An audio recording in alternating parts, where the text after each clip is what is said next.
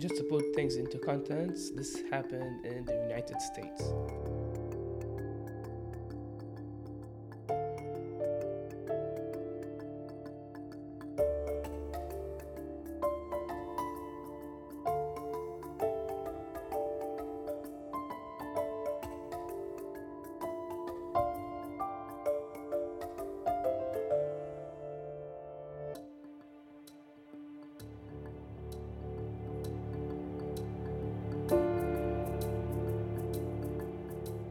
تحياتي للجميع في كمان حلقة من بودكاست الميدان. أنا عابد أبو شحاد عبر موقع عرب 48 بس زي دايما قبل ما نبلش ما تنسوش تتابعونا عبر جميع تطبيقات البودكاست سبوتيفاي أبل جوجل أنغامي بتلاقونا هناك.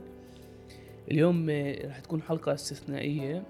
راح نسجلها بالإنجليزي مع المحامية والناشطة ديانا بوتو عن الأحداث الأخيرة في الداخل الفلسطيني في سياق العدوان والحرب على غزة والإجراءات القانونية اللي المؤسسة نازلة تاخدها ضد المواطنين الفلسطينيين في الداخل.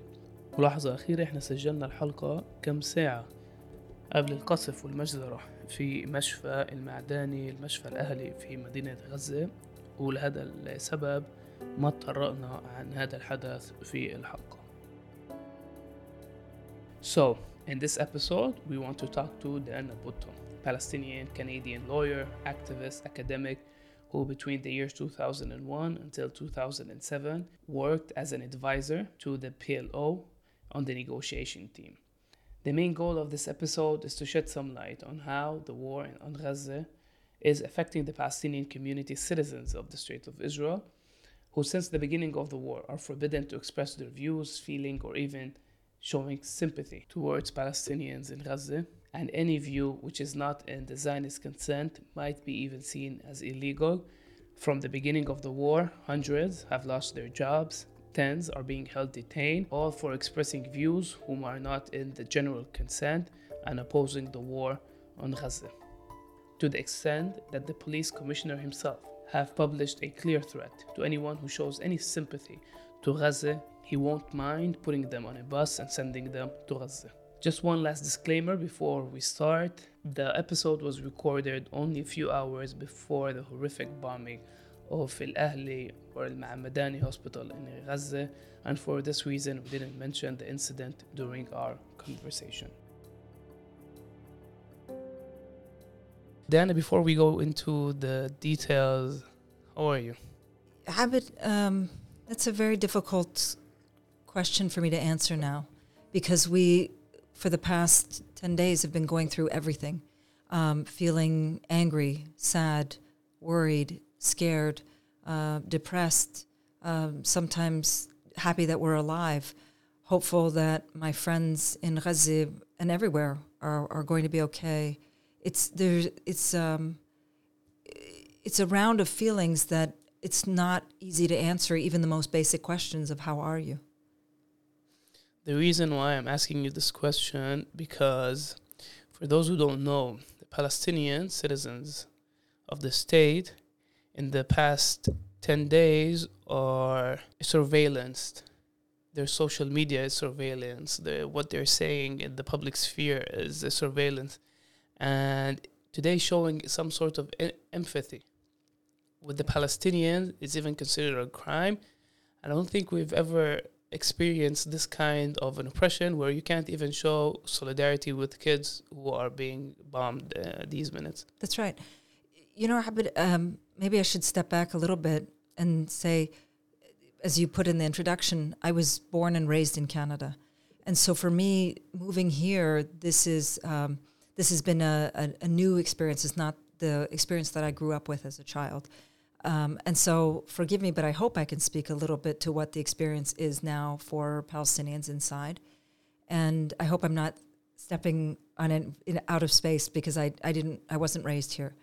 But for me, when living here, you're always made to feel as though your presence is temporary, that you're here by mistake. Um, and because it's temporary and because it's by mistake, you live your life having to carve out spaces, mostly safe spaces, where you're able to speak what you want to say, think what you want to think, and do what you want to do. But that's not always possible for the vast majority of Palestinians who are living here. Um, the vast majority don't have that luxury of, of being able to carve out that safe space and instead have to interact and do interact with Israelis, with the state. And, um, and it's in that interaction that because you're always made to feel that you are here temporarily and that you're not safe, that you see this come out the most in these times. And and this right now what we're living is exactly that. It's it's the the feeling that not only is your presence here temporary, but that that temporary period is going to come to an end very quickly. So things like um, expressing support for for Palestinians who are suffering uh, as they're being bombed is is is not allowed. Um, you know, just to put it in context for people who may or might, may not know, Gaza is a tiny little space. It's for those who know the United States. It's about the size of Detroit, and it's got four times the population of the city of Detroit. And the number of bombs that Israel has dropped in Gaza has far exceeded the, than what the United States dropped on Afghanistan in the course of a year. And the number of kids that Israel has killed just in the past 10 days has doubled the number of kids that were killed in the Ukraine Russia war. And so when you look at these statistics and you see this, and for me and for you and for others, we have friends there, we have family there. And even if you don't have friends or family there, just on a human level, it, it begs that we have that we reach out, that we say something, that we do something, that we feel um, compassion, that we want this to end, and that that's what's being banned from us is that we're not allowed to. We are forced to be in this space where you have to um, side with the oppressor, with the occupier, with the bomber, rather than with the people who are having bombs drop on their heads and and that part is very perverse and it's it's it's because all of these years our status has really been temporary.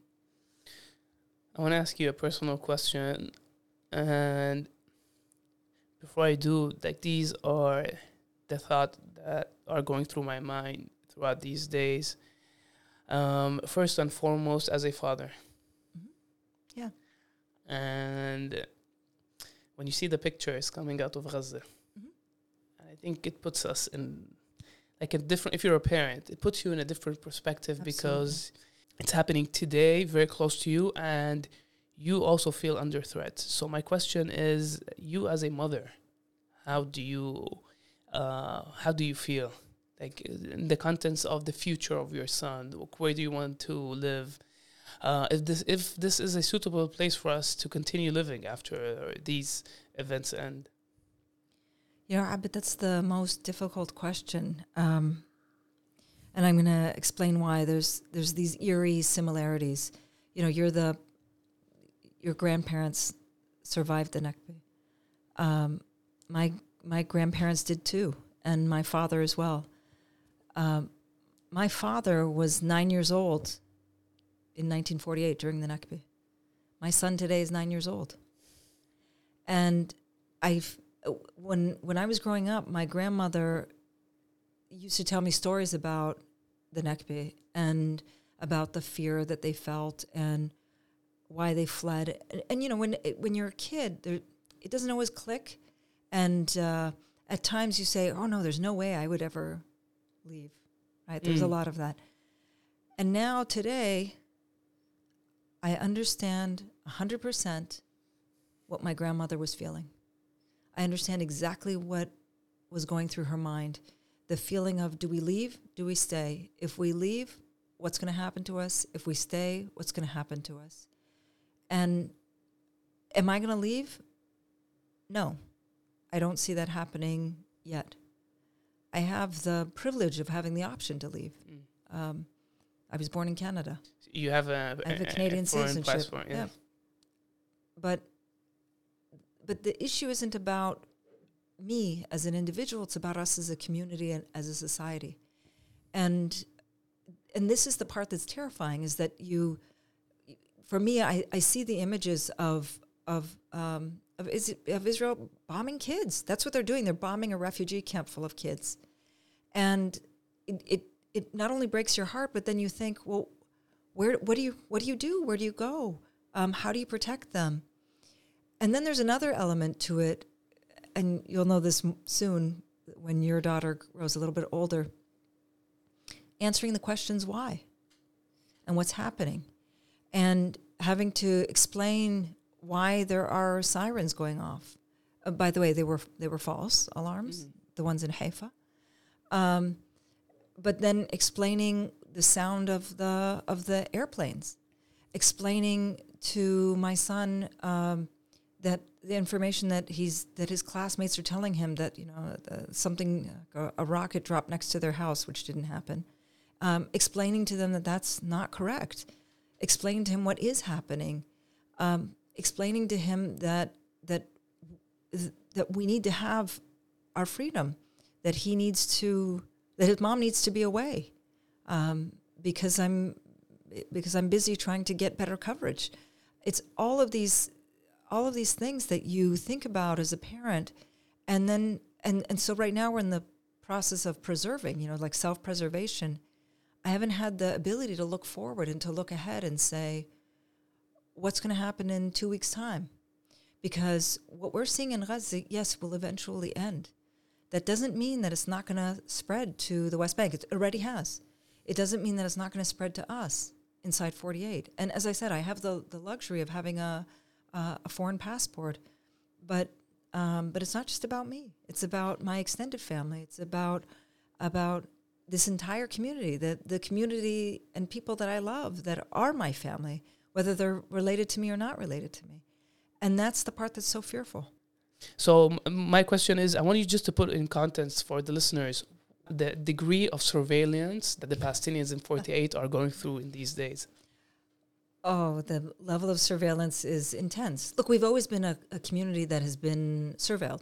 Right? They, they've always there's always been surveillance against against Palestinians in Israel, and uh, it's it's been um, over the years that Israel has not only arrested people for things like poems, Dareen Tatour, Darin Tartur, yeah. whose poem had probably been seen by I think it was 113 people by the time that they had arrested her. Um, uh, resist my people resist, and and she ended up being thrown in jail for over two years. To um, other people who've been who've had their job, who've lost their jobs as a result of Facebook posts, to um, to people being arrested for them. You know, it's it's been going on for years. The problem now, of course, is that any level of of um, expression of support or even sympathy for Palestinians in Gaza, it can be subjected to can be subject to this. And there are um, there's whole groups out there that are trying to get onto your Facebook feed, your Instagram feed, your um, Twitter feed to take screenshots, send it to the police, and so on. There's a, a couple of um, Telegram channels that are really quite incredible. One of them is called, um, uh, I mean, translates into uh, dead Palestinians, and they're posting pictures of dead Palestinians, um, and mo- and some of them they're being defiled. You know, they're being people are are kicking them, urinating on them, you name it, um, with lots of racist, inc- incendiary comments. Nothing happening to these people. There's another Telegram channel that's called uh, Nazi Hunters, and in this Nazi Hunters um, Telegram channel, they're putting pictures of Palestinians from 48. And uh, with, their details. with their details, with their name, their address, their phone number, their this, their that. You know, it's all it's all in there. It's all in there. And so you have on the one hand the apparatus of the state that goes after people and that has been um, conducting surveillance operations against Palestinians for for many many years. Of course, they don't seem to use that surveillance when it comes to ki- the the internal violence. They somehow it fails when it comes to that issue, but they're using it against Palestinians um, in Israel uh, to to monitor everything that's being said, and you have these vigilantes who are doing the same as well. So it's a whole apparatus that's happening. We've already heard that in the past ten days there have been. It's not just Dalal who's been arrested, um, professor, PhD in neuroscience, amazing singer, but but there's been about a thousand cases, if not more, of Palestinians who've either been fired from their positions or who've been suspended from university, sometimes for Facebook posts, sometimes for the simple crime of being an Arab. And, uh, and so this is the environment that people are living in. Now, there's another element to it as well, which is that the Israeli government works very closely with organizations and companies like Facebook, Meta, and um, and reports are that Meta has been responding positively to 90% of the requests that that uh, Israeli activists and the Israeli government have been putting to them to take down posts. So again, you see this um, what's called throttling, where people uh, people's posts can't be seen by other people, or shadow banning, similar um, situation where where people can't at all be be seen by by their followers. And, and this is a, a policy on, behalf, on the part of these major companies, but it's a policy that's being that's coming at the request of the Israeli government. So there's a whole structure, there's a whole system in place there of of the government, of working with corporations, and of course these vigilantes who are uh, going around and and labeling people as targets. I mean, when you see a, a, a Telegram channel that's called um, Nazi killers, I I, I don't know why somebody who says Allahu Akbar is considered a Nazi. It still doesn't. Obviously, they're not. Mm. But the whole point is to use this inflammatory language so that it makes it seem as though everything's okay, and that's why you see what you see in the United States with commentator after commentator. Um, really using racist language against Palestinians uh, and incendiary, inflammatory language that is designed to fan the flames of hatred. Wow. Um, I want to put more things into context. Those that don't know, in the past uh, 10 days, the Israeli police slash, slash military has uh, given away more than 10,000 ass- assault rifles in different locations in the north and the south. And like how I feel is like there's a general sense that if any Palestinian citizen of Israel if, or not a citizen of Israel is out of line, Today, it's more legitimate to hurt, to shoot, and obviously there won't be any uh, consequences to anyone who might hurt a Palestinian. We're seeing it mainly people who go to their jobs and have to go through an amazing extent of racism. They feel uh, helpless, and I do want to state, I want to see what you think of it. Is I think we are the only Palestinian group, other than the Palestinian in the, re- in the refugee camps in Lebanon, that don't have proper institutions. Like for example, whether it's in Gaza, whether it's in the West Bank, there is some sort of an authority. There is some sort of a public health uh, apparatus, uh, police force, and so on. That it helps. It it keeps uh, the community feeling safe. And here, I feel we don't have anything. And the most basic institution that should protect us today, you're feeling a lot of animosity against us. How do you think about this uh, intake?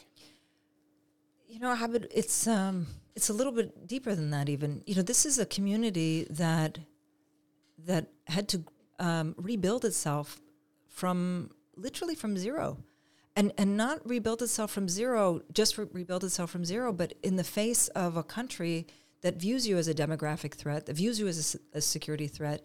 That, like Smotrich says, the only reason that we're here is because uh, they didn't finish the job in 1948. So you're made to feel as though you are an outsider within your own country but not just an outsider like you're the unwanted. So it's it's that it's amazing when i look around and see that this population that was 150,000 in 1948 today is 2 million that it's been built up. And it's it's um, despite the state not because of the state. So doctors lawyers engineers um, activists neuroscientists you name it uh, all has been built up because uh, despite the state, not because of it. And it's because so much of our energy has been focused on that that I don't think that we've really ever focused on this alternative system of of protection that you're talking about. Um, and and and in part, this is why the the Israeli state wants to crush us, is because we have become we've done well for ourselves despite the state, and mm. this is why they want to crush us. And so, what you see now within within this uh, within the state is this isn't just a question of them giving guns to Israelis, but for example, in my area in Haifa, um, there are people who are trying to form militias. They're, they're openly calling for people who have weapons to come together and form what they call a you know a safety group. Um, if it's a safety group, why do you need to have why do you need to have weapons? Why do you need to have all of this? Like, why do you need to be armed? So you're right. We don't have the institutions that are separate and apart from the state. Um, and the political representation that we have right now, you, you feel it. People are, are very upset. Some people are saying, no, we shouldn't be calling for protests because there have been mass arrests. And we've already talked about the people who've been losing their jobs and been kicked out of university. But at the same time, there's nobody who's really protecting us as a, as a, as a people. Um, who are going to come in when the Israelis do come in and actually serve to protect us. There's really we're we're very vulnerable. We're left to the state. We're left in the hands of the state, and it's a state that doesn't want us. And in times where there is a sense of revenge, absolutely. Like, like when we say state, when we say the police force, at the end of the day, these are also individuals who work in some sort of framework, and the, the framework right now is based on uh, revenge against Palestinian, against Arabs, and. I feel like we don't have any any sort of protection, and we're all very vulnerable right now. We absolutely are. We absolutely are. This is the terrifying thing: is that we're all vulnerable. We have no protection, and and there's nobody there who's even looking towards us. It's it's quite the opposite. People are looking at us as though, um, yeah, you are, you know, you, you're you're one step away from from uh, from the people in Gaza. Mm-hmm. That's it. But on the other hand, and I think it's important to go into the nuances on this. Um, the Palestinian community or communities inside uh, the state uh, are very diverse, mm-hmm. and we don't all agree uh, on, on, different political issues. And there are some parts they're very marginal, very small, but uh, they see themselves part of the state and the Israeli society. And today, what I feel is the state is magnifying their voice. So they what they say uh, suddenly is all over the news, all over TV, all over the newspapers. And if we express anything that is not in the uh, consensus, we might pay a very heavy price of just expressing feelings and uh, for people who are being bombed, for kids who are being starved uh, to death, and things that the international community knows about, and they are under the Geneva Convention considered as a war crime. Uh, so I, I, think it's going to also have some sort of implication after the war inside the Palestinian community of asking ourselves again, who are we, mm-hmm. and uh, redefine our politics. Yeah, they've been trotting out people. Um, there's a few names I can throw out there. Um, Lucy, whatever her last name, mm-hmm. Lucy Aharish. Uh, the, the I don't mention their name, just not not to give them this platform or they're clowns yes. you know so clown one clown two and clown three yeah. have been have been trotted out as as being the voices of uh, of the Arab, of the Palestinian community and clown one clown two clown three are are not representative of the Palestinian community but what's interesting uh, Abed in all of this is even as their voices are being put forward as representative within the Israeli society it's kind of are like asking twice. Like for example, and and I am going to mention a couple of names like Mansour Abbas. People are saying, yeah, but he says something in one thing in Hebrew and he says another thing in Arabic. So no matter how much you say, no matter what you say and how much you say, it's you have to repeat it over and over and over again, and even then they're never going to believe you. Mm. And and this is the way that that the Israelis are are looking at this community. So so these are the models, and if you don't agree with the, what these three or four models have said, um, then somehow you you can be eliminated. And even those three or four models, we have to question them once, twice, three times, four times, because really deep down inside, yeah, there's still something in there. There's that drop of Arab blood in them that is going to make them somehow sympathize with a dead child in Gaza. But it's that fact that that we don't get to be humans. We're so dehumanized that we don't get to have the aspiration to be free. We're so dehumanized that we don't have the aspiration to not live under military rule. We're so dehumanized that we don't have the aspiration to not live in a cage. We're so dehumanized that that these same individuals that you're talking about, they won't sympathize with Palestinians or express uh, outrage over what Israel's doing, because because they've also internalized that dehumanization. Mm. Diana, you had many amazing appearances on international uh, news channels. I, I want to tell you why I started the pod with asking about your feelings because when we go on international news agency, it's as if we're talking about statistics and numbers. And then you're asked all kind of political analysis, and people underestimate that we have feeling. Though this is why it was important for me to ask you about your feelings, and and also not only as a Palestinian but also as a uh, as a mother. Um, but I do think it's important to talk about the international media. Uh, the first few days, it felt as if there was this attempt, and correct me if I'm wrong, of this attempt to manufacture consensus of favoring uh, Israel and dehumanizing uh, Palestinian and Palestinian sufferers and taking things out of context as if there isn't any occupation, as if Gaza is some sovereign uh, sovereign state. And, and, I felt that there was some sort of a backlash from the international community, activists, um, student bodies, and so on. And I, and I feel like because of this backlash, things are starting to change. I do want to ask you, how do you feel about that? And how do you think the international media is coverage right now during like the last 10 days? The international media should be ashamed of themselves. There's so many things that I could say about it. I'll begin with the basics. As a Palestinian, when you're brought on to any of these major networks, it's like you have to pass a, a test, a litmus test, if you are human enough and so the always the first question is about condemning Hamas. And it's it's it's very um, it's dehumanizing. It's like a test, as you it's said. It's a test. You know, are you are you worthy of my of the three minutes of time that I'm going to give you? Is the first thing, and then and but what's amazing is that they never turn around ever to an Israeli and say, "Do you condemn the Nakba? Do you condemn um, the military occupation? Do you condemn the fact that you've put these prison people in an open air cage for 16 years? Do you condemn the killing of children?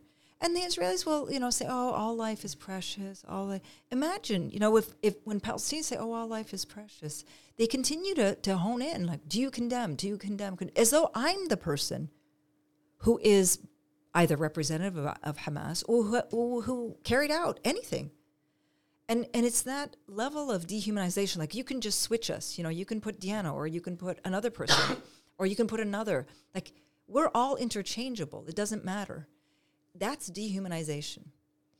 And um and, and it starts there. But then it got even worse uh, it got even worse as time passed because not only was there lacking context in terms of the occupation and the siege on, on Gaza and the Nakba, but there was also lacking context in terms of of that what Israel has been doing all of this period of time and that and that Gaza is not a state.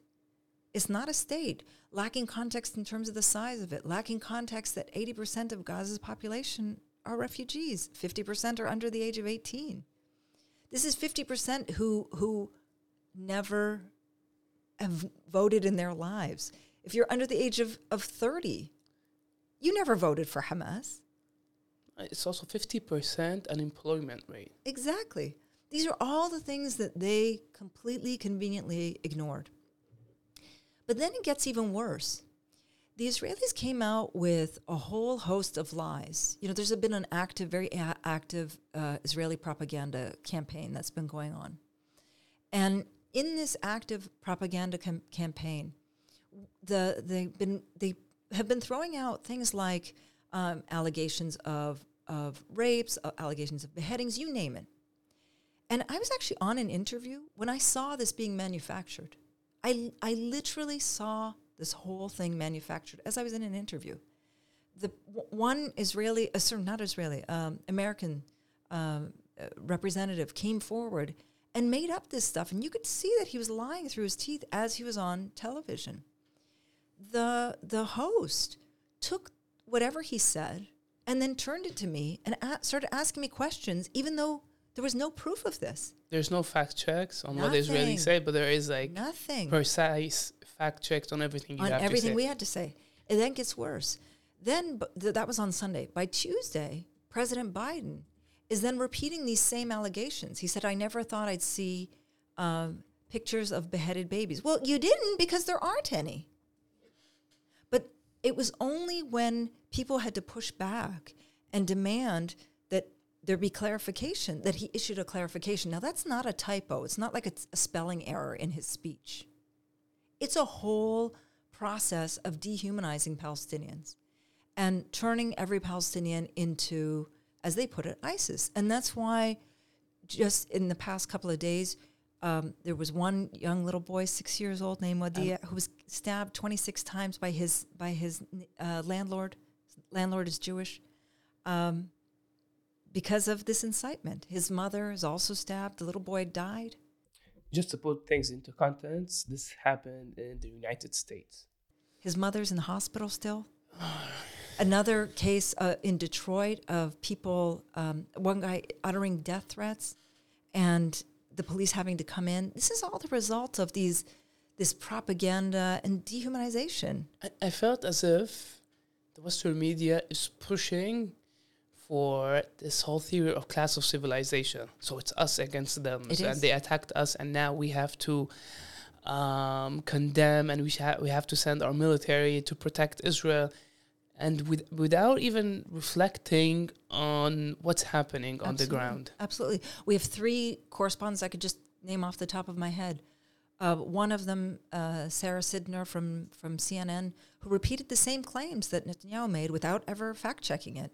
Um, another, Nick Robertson, who repeated the same claims. I think Sarah She apologized. She apologized. uh, Great, she apologized. She didn't lose her job. She didn't Mm. lose her job. If this had been another, if this had been the Palestinian president that had made the same allegations of uh, against Israel, and she repeated it, she'd be fired. Um, she apologized, and at least I'm. Uh, I take comfort. I don't know. Mm. I'm I'm happy that she apologized, but more should have happened. We have Nick Robertson from CNN repeated the same allegations. Richard Engel from from NBC has been standing as a, a stenographer, a person who's just repeating all of the Israeli claims. IDF says, IDF says, we cannot verify, but IDF says. Then why are you reporting it? If the IDF says, that doesn't mean that it happened. And even in other newspapers, you've seen where they say Netanyahu says, Netanyahu says, but n- no, no confirmation. I remember, I remember very well, very painfully, very, very, very painfully well. When my friend Shireen Abu Akleh was murdered, she was shot in the back of the head with a bullet, where while she was wearing uh, her flak jacket, her press jacket, and she was wearing a helmet, and she was shot in the back of the head. And it- this was done in front of people. There were eyewitnesses. Those eyewitnesses are Palestinian journalists. Even in the face of video evidence, eyewitness, eyewitness reporting journalists, and other witnesses who were not journalists but also eyewitnesses, the news media went crazy to demand investigation after investigation, to demand the bullet, to demand everything because they couldn't, they didn't want to run a story that said that the Israeli army killed Shireen Abu Akleh. And so you see the, the way in which, even in death, Shireen was dehumanized. And even in, when it comes to um, the way that this, that this attack is happening, that Palestinians as a whole become dehumanized, that there, the rules of fact checking get thrown out the window, the ways in which uh, the, the war drum, so to speak, keeps beating. And you hear interview after interview, uh, press statement after press statement. I have yet to hear, for, for the first two days, I didn't hear the word occupation uttered except by the people who were responding. you know, you know what's sad about this whole situation. I think that the if you see if you see yourself as a moral person, I think the most natural thing to demand right now is to stop the war Absolutely. and not to incite, because things might escalate to places that are very dangerous for many people, for millions of people in this region, and the movement of mi- the militaries, like and the statements that are coming from uh, world leaders, I think we should all be very afraid. And I think you have to be like if you're a moral person, I think this is like ABC to demand to stop the war uh, and to work for a just solution. And I'm surprised that people from the left and people that see themselves as moral beings keep shuttering, shuttering the same argument that Israel Israel has the right to defend itself. But it's not. It's defending a, a military occupation, and it doesn't have that right to, to defend that. Look, you know the. This is the problem: is that it's the Israel wants for for itself what it doesn't want for for others. It doesn't want for others what it wants for itself. But they don't. They don't view that Palestinian. Again, it goes back to dehumanization. They don't view it that Palestinians have a right to do anything other than lie down and be victims and be wiped off the earth, so that they can have a Jewish state. I hate to be so callous, but that's what it's about. There's a th- you know there's this theory about um, this might be a little bit too much for your for your, for the, like too much for the podcast, but there's this theory about um, frontiers and ghettos, Mm. And and what the frontiers and ghettos theory is is that when the people who are living in a ghetto, you use less military force with them, but when it's a frontier, you can use as much as you want. So if you Mm. look, for example, at what Israel did in 2006 against Lebanon, um, they inflicted a lot of force, uh, a lot of violence on Lebanon. And if you look at what they've been doing in Gaza since the complete closure of it, but even since before that, since they completely blocked it off, um, it's all you know massive uh, bombing campaigns. Whereas if you look at what they do in the West Bank and and inside 48, it's a lot of like policing. Mm. Um, and it's very interesting because inside 48 and inside the West Bank is where the most damage can be done. Mm. It could be the most damage can be done to Israel from inside for, from inside 48 inside the West Bank. Um, but yet it's it's a different way of of policing people. And it's but now in the Israeli mindset, it's not just that Lebanon has become a frontier, Gaza has become a frontier. And when that happens, it's that you can do anything to these people because they're on the other side. Mm. So you can bomb Lebanon to, you know, you can obliterate it. You can you can bomb Gaza to smithereens because they're on the other side. And it's this is what's happened with Israeli thinking is that there are. That's why you hear somebody like Herzog say there are no innocents in Gaza. So a baby who's born two days ago is not considered an innocent it's this level of dehumanization and I, I it's shocking to me because when i um, you know when i was a student and i still do read a lot of of uh, a literature about about genocide not just the holocaust but genocides in general and it's always the same way they happen in the same way it begins with dehumanization it continues with sets of laws that are done in order to protect the, the certain Mm. community and it goes to what we're seeing now in Gaza. So when you see them say no food, no water, no electricity, no fuel supplies, that's genocide. That's genocide. Hope we don't see that. Inshallah. The activist slash academic slash journalist and writer Diana Buttu Thank you. and lawyer, if I forgot to mention that. Thank you so much for your time. Thank you, Habib. Thank you. I wish we have done this in better terms and better days. Inshallah. I hope so uh, too. Um, so this was our first attempt to uh, record the podcast in English. Please tell us what you think and if we should continue every once in a while to reflect on what's happening in Palestine, the West Bank, 48, and in Gaza.